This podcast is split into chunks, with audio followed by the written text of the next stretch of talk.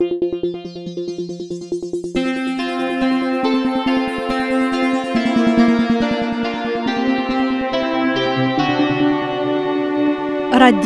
Esperanto Saluton! Parolas Kaliningrado. La decduon de julio dimanche, el la Kaliningrado studio de Radio Esperanto, vin salutas Aleksandr Korzenkov kai Halina Gorecka. Hodio se speciala tago por ni. ne nur pro tio, che hiero finigis la rusortodoxa apostola fasto, kiu ci jara dauris kvar semainoin, sed char antau tridec unu jaroi, je la tago de sancte apostoloi Petro cae Paulo, nascigis nia filo Alexei. Nun li estas en Moskvo, malproksima de ni, kaj li iras nie gratuloi. Tamen mi devas confesi, ke inter la antaua, la quindectria, Kaj la nuna la kvindekvara programoj okazis plia grava evento. Sama en Moskvo, la dudek duan de junio, je la plej longa tago del jaro, mia filino Tatiana naskis filon, kiu ricevis la nomon Ivano, kaj mi finfine iĝis avo. Agrable familiae eventoj, agrable por ni, sed vi certe pli interesiĝas pri la profesiaj. Inter tiuj post nia antaŭa programo – Plej gravis la eldono de la somera numero de la Ondo de Esperanto. Nu, somera la unia nordule vidpunkto. Gi estas la kvara ondo eldonita de ni. Ni okupiĝas ankaŭ pri amaso de diverse aferoj ca afereto esperantaj, eble la plej rimarkeble el ili estas nia novaĵretejo, en kiu ekde la unua de januaro do dum pli ol ses monatoj ĉiutage aperas almenaŭ unu nova teksto. Ni dankas al niaj abonantoj, amikoj kaj patronoj, danke al kiuj ni sukcesas daŭre labori per kaj por Esperanto. Kio por hodiaŭ? Baldaŭ vi aŭdas la Kaliningradan felietonon de Halina, kiu ĉifoje rakontas pri la renovigado sur le insulo de Cantio, kiu troviĝas santu la fenestro de nia redakcieio. Sekvos Esperanto novajoi, de novo malmulte, ja dum la pandemio malmulto okazas en la reala mondo, kaj Esperanto iom postion virtualiĝas. Post la novaĵoj vi konatiĝos kun la julia eldono de la Ondo de Esperanto. Aŭskultu unu el gei textoi, en la plenumo de nia gasto la brasile esperantisto Paulo Sergio Viana.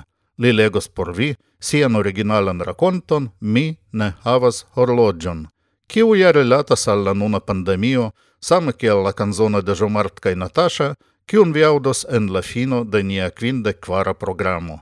Lasante la parol vicon al Halina, mi desiras al vi bonan auscultadon.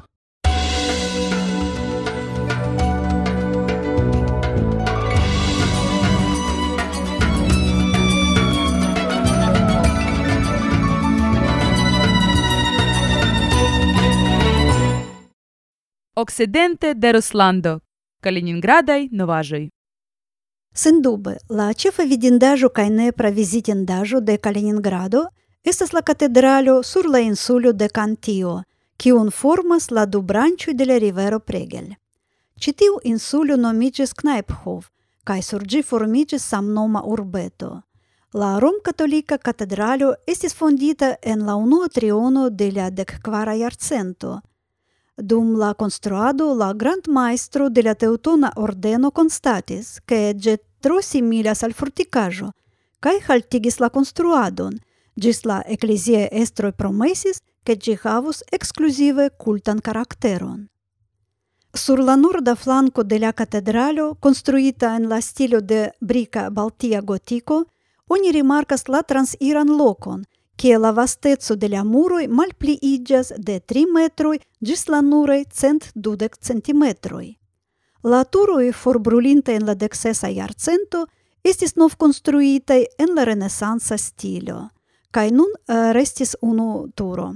La construajo longas circa ok metroin, la altezzo de la turo kun la pinto estas circa kvindek metroi, kaj largezzo circa tridek metroi.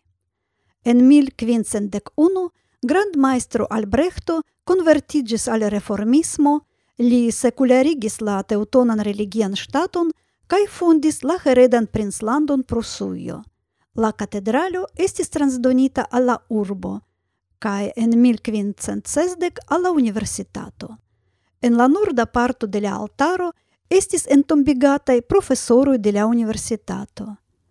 En 1804 ĉe la nord-orienta angulo trovis sian lastan restadlokon la granda filozofo Emanuelo Cantio. Sur la insulo estis dense loĝata urbo kun sia urbodomo, poŝtejo, mallarĝaj stratoj, loĝdomoj, komercejoj kaj vendejoj. Ankaŭ ĉi tie troviĝis la Universitato Albertina. En augusto 1944, pro la cruela bombado de Königsbergo fare de la brita aviado, la insulo Kneiphof estis preskaŭ komplete detruita. La muro de la catedralo restis, sed la supro kaj la internaĵo forbrulis. La ruinaĵo staris dum jardekoj. Ĝi ne estis neniigita dum la sovetia epoko danke la tombo de Kantio. En 1992 estis organizita konservado de la mur restaĵoj kaj komenciĝis historia rekonstruado. Nun en la katedralo funkcias koncertejo por 700 lokoj, okazas festivaloj, koncertas orkestroj kaj korusoj. Unue ĉi tie ekfunkcias elektra orgeno, kaj en 2008 estis aranĝita unuigita orgena komplekso. En la katedrala muzeo estas erigitaj eksponaĵoj ligitaj kun la historio de Kenigsbergo Kaliningrado kaj kun la vivo kaj scienca agado de Kantio. Ankaŭ funkcias du kapeloj rus-ortodoksa kaj luterana. Sur la detruita insulo estis aranĝita parko, plantitaj arboj kaj ankaŭ enestas pluraj skulptaĵoj.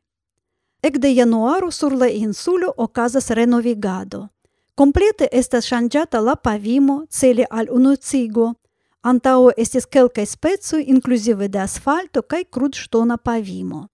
Aperis novaj vojetoj kaj trotuaroj iĝis pli larĝaj kaj pli komfortaj. Estas modernigita la sistemo de lumigado de la katedralo mem kaj de aliaj objektoj, inkluzive de grupoj da arboj kaj de la kajo. Sur la placeto antaŭ la katedralo aperos tramreloj por imiti historian medion, ja antaŭ la milito ĉi tie estis tramhaltejo. Estas aranĝitaj lignaj ripozejoj, kie oni povas ankaŭ pikniki aŭ sunbruniĝi, novaj kasejo kaj vendo pavilonoj. Oni esperas, ke fine de aŭgusto sur la renovigita insulo jam okazos festivaloj La insulo estas parto de la Til nomata muzea kvartalo, al kiu apartenas ankaŭ arta muzeo kaj muzeo de la monda oceano kaj ties ĉirkaŭaĵoj, la plej vizitataj lokoj de turistoj kaj urbanoj. Venu al nia urbo kaj mem vidu ĉion.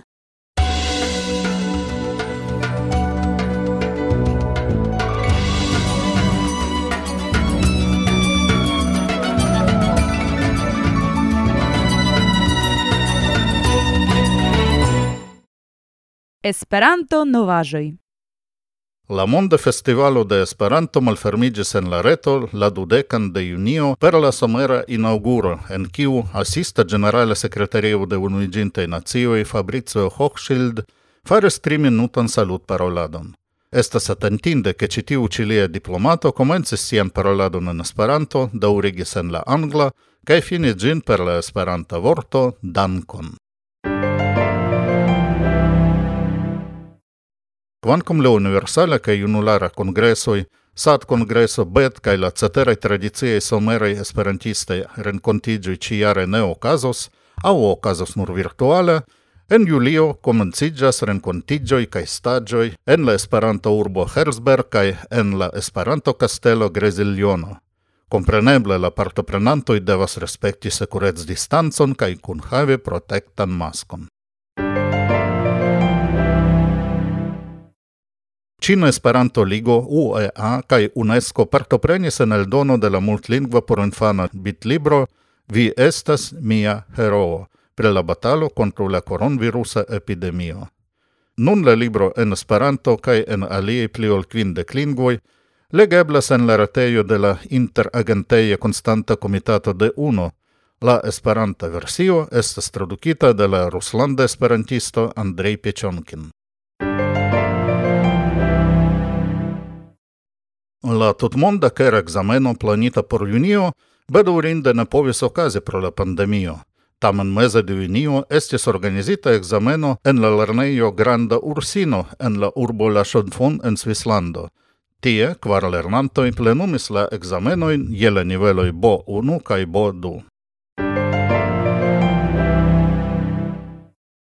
Estas presata la nova eldono de plena ilustrita vortaro de Esperanto, PIV. Gia cefa novajo estas la enmeto de la ducent nau cap vortoi el la naua oficiala aldono alla universala vortaro. La novan eldonon preparas cefe Clodru. Gia eldonanto estas la ceha eldoneio Cava Pech. Hiero, la decunuon de Julio, sian sepdec region, festis Vilmos Bencik, hungara instruisto, literaturisto, tradukisto, eldonisto kaj esperantisto. Redaktoro de la legenda gazeto Hungara Vivo kaj direktoro de la libro eldonejo de Hungara Esperanto Asocio, en kiu sublia direktado aperis cent tridek ok Esperanto libroj.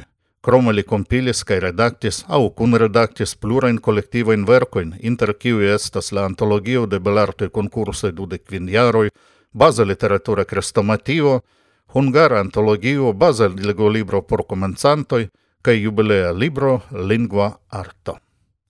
Vilmos Benci verkis plurajn artikolojn, recenzojn, antaŭ kaj post parolojn, el kiuj kelka aperis en lia esearo Studoj pri la Esperanta literaturo. Li ankaŭ estis prezidanto de Hungara Esperanto Asocio, komitatano de UA, prezidanto de la Juĝkomisiono de Belartaj Konkursoj, membro de la Akademio de Esperanto. En la jaro 1906 li estis elektita kiel honora membro de UEA. Ni sendas korajn gratulojn kaj bondezirojn al Vilmoš, kiu interalie estis la unua eksterlanda esperantisto vizitinta Uralon post la dua mondmilito. Tio okazis en la jaro 1989.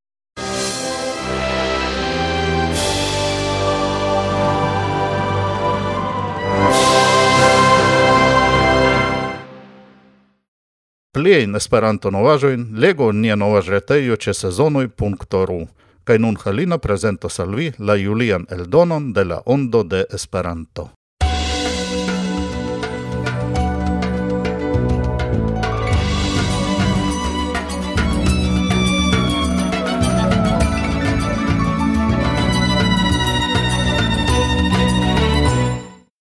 La Ondo de Esperanto, Julio.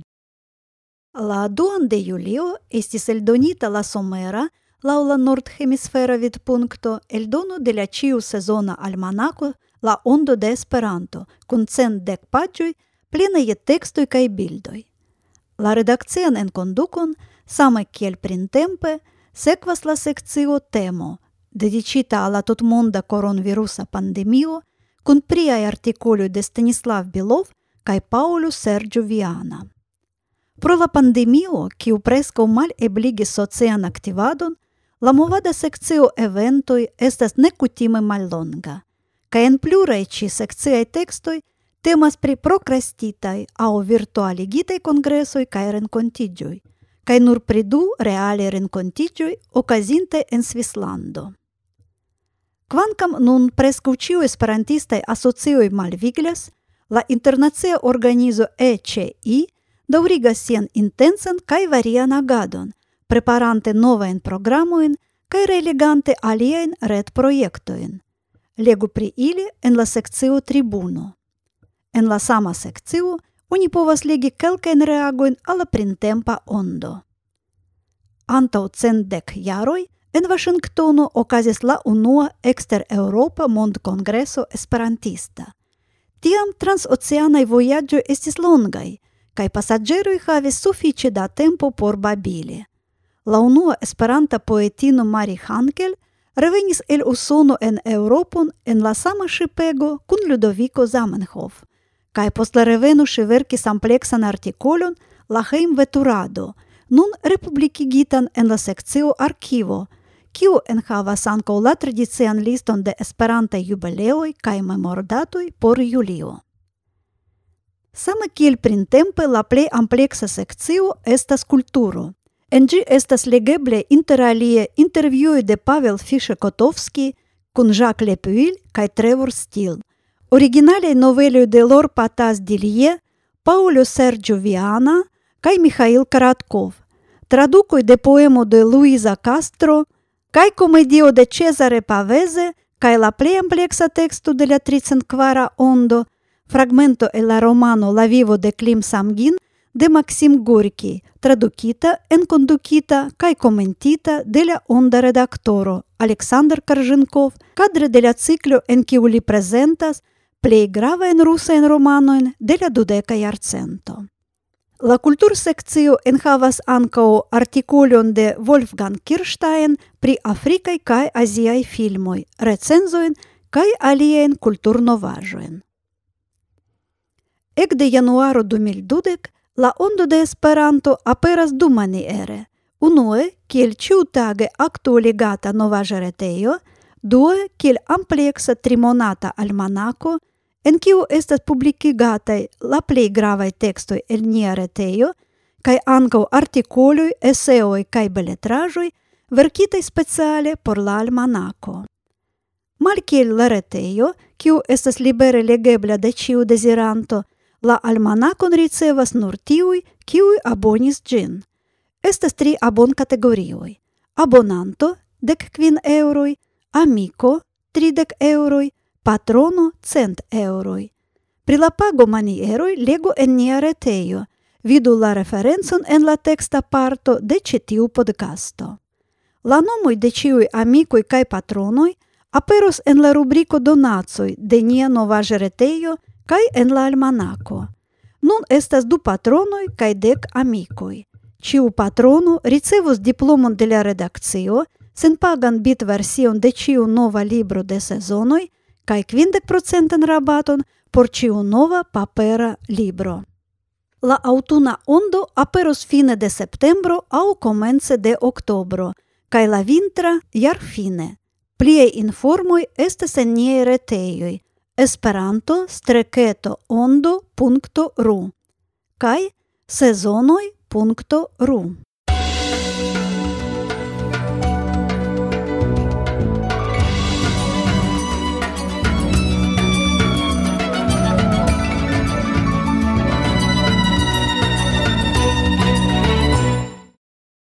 Literatura paggio Mi ne havas horlogion fantomoi estas nevideblai, ancau virusoi, cae ambau hantas.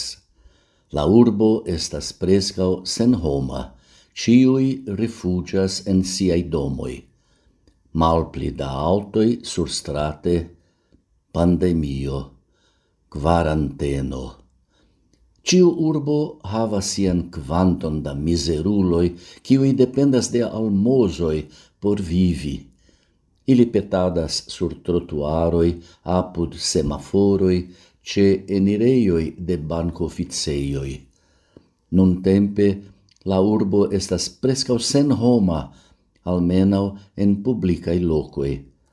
De ciu do almos peti? Homoi malsatas. Almosuloi estas homoi, havas stomacon, cae malsatachas Silente ili vagas tra la urbo cae dormas sub marchesoi. Ie ca ie oni vidas ancao infanoin vagantain kiel hundoi, malsatai infanoi. Giornaloi, televid stazioi cae radio stazioi proponas che oni donatsu nutrajoin. Oni dismetas tabletoin con afishoi, lasu citie vian nutro donatson. Estas la deca vespere, sen brua iom malvarma vespero, autuno iam regas. Appena usumas en la heimo de Carlo la televida apparato. Lastai notizoi sussurigas en la tagofino. La viruso pli vastigas sian invadon. Pli da homoi mortas tutte solai en intens flegai hospitaloi. Quelcae mortas antao ol ili atingis taugan flegadon. Televid giornaloi iom monotone listigas statisticaen ciferoin. Carlo enuas ciam la samai notizoi, deprime, preferinde en litigi. Lim varmigas sian cutiman lactotason cae versas chocolat pulvoron. Iela unua gluto sonas la doma tintilo. Carlo ec miras, estas jam quelcae minutoi post la deca, kiu sonorigas. Carlo rigardas tra la fenestro. Post la giardeneta fercadro, cifonullo vocas lin. Signoro, lasu min paroli al vi. Ciu dangere, Carlo pensas. Li tamen malfermas la pordon iom impulsige, cae pasas alla homo. Signoro, pardonu min, sed mi malsatas, ciu vi povus helpi min? Io ein mangebla taugas, au per monero. Amico, estas jam malfrue, post la deca. Oni timas malfermi la pordon iece tia horo. Ciu jam la deca? Ve... Mi ne conscias pri la horo, pardonu min, signoro, mi ne havas horlogion. Vi pravas, estas jam tro malfrue. Jam ne indas geni homoin je citia horo. Nun mi comprenas kial ce aliai domoi kie mi sonorigis neniu respondis. Pardonu, mi foriras. Lia vocio, pese trenigas. Li pasas for, iom malfirme. Eble li estas ebrieta, li chanceligas laulonge de la trotuaro. Blovas malvarma venteto, folioi de castanarbo melancolie murmuras. Carlo miras che tiel facile la almozulo resignas pri sia almozo, sed facte estas tro malfrue, li devus veni antaue. Tamen li senpense flustras, momenton, sed la almozulo iam iras quelcain metroin for. Li ne audas, la murmurado de la foliaro rivalas cun la hesita vocio de Carlo. Li revenas en la domon, schlossas la pordon, mal shaltas la televidon cae la lumon. Lia chocolad lacto iam malvarmigis, li ne plu emas trinki. Li enlitigas, sed besonas necutime longan tempon por endormigi. Certe pro tio che mancas al li varmeta chocolad lacto en la stomaco. Cio en la vivo dependas de cutimoi. Estas lia lasta penso hodiau.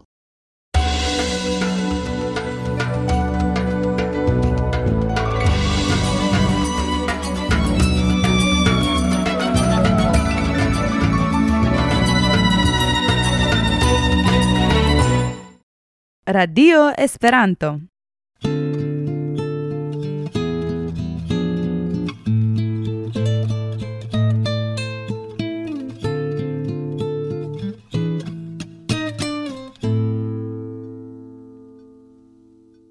Žamart kaj Nataša estas vadija duopov, ki ju havas siajn radikojn en Kazahstano. Žamart Amzejev kaj Nataša Gerlah Por sia Esperanto debuto en Samarkando en la malproxima jubilea jaro 1987 concertis en pluroj universale kaj junularaj kongresoj, en diverslandaj esperantistaj festivaloj, kongresoj kaj renkontiĝoj kaj faris kelkajn turneojn. Ili kreis pli ol cent kantojn en Esperanto. Ilei canto estas emocii kaj sensplenaj. En ili ofte temas pri vojaĝoj kaj homaj rilatoj, streboj kaj intencoj. En la nuna pandemia periodo, ili verkis kaj publikigis en la reto sian plej novan kanton, malgraŭ ĉio, per kiu finiĝas nia kvindekvara programo. Kune kun Jean-Mart kaj Nataŝa ni petas: malgraŭ ĉio vivo, zorgu pri viaj familianoj, pri karaj viaj, kaj aŭskultu radion Esperanto. Ĝis reaŭdo!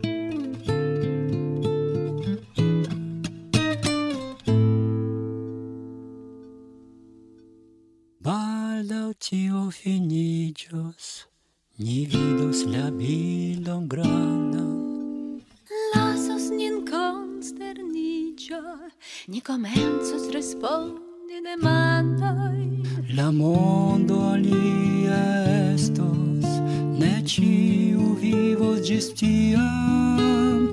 Venos tempo post festa post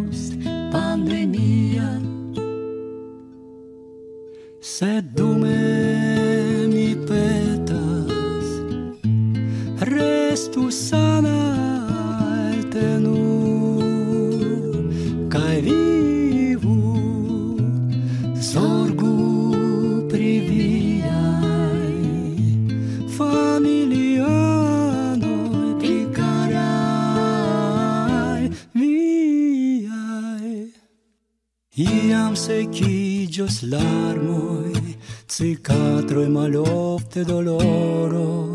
Ne cio formirulos en flamoi, sed coroi, sed coroi, sed coroi, sed coroi, cion vivon nia. Dividigios iantau cae poste, ni turnos la folion, cae pagos la costoin Sed dume mi petas. Restu sana en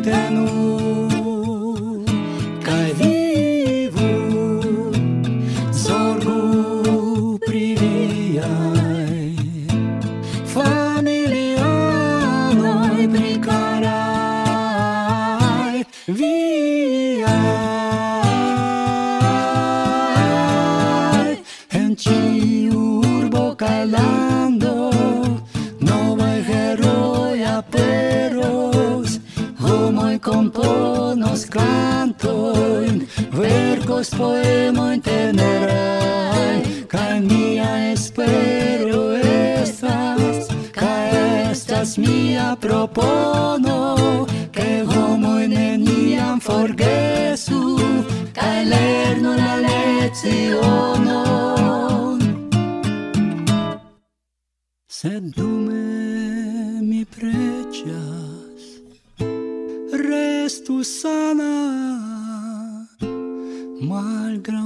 will.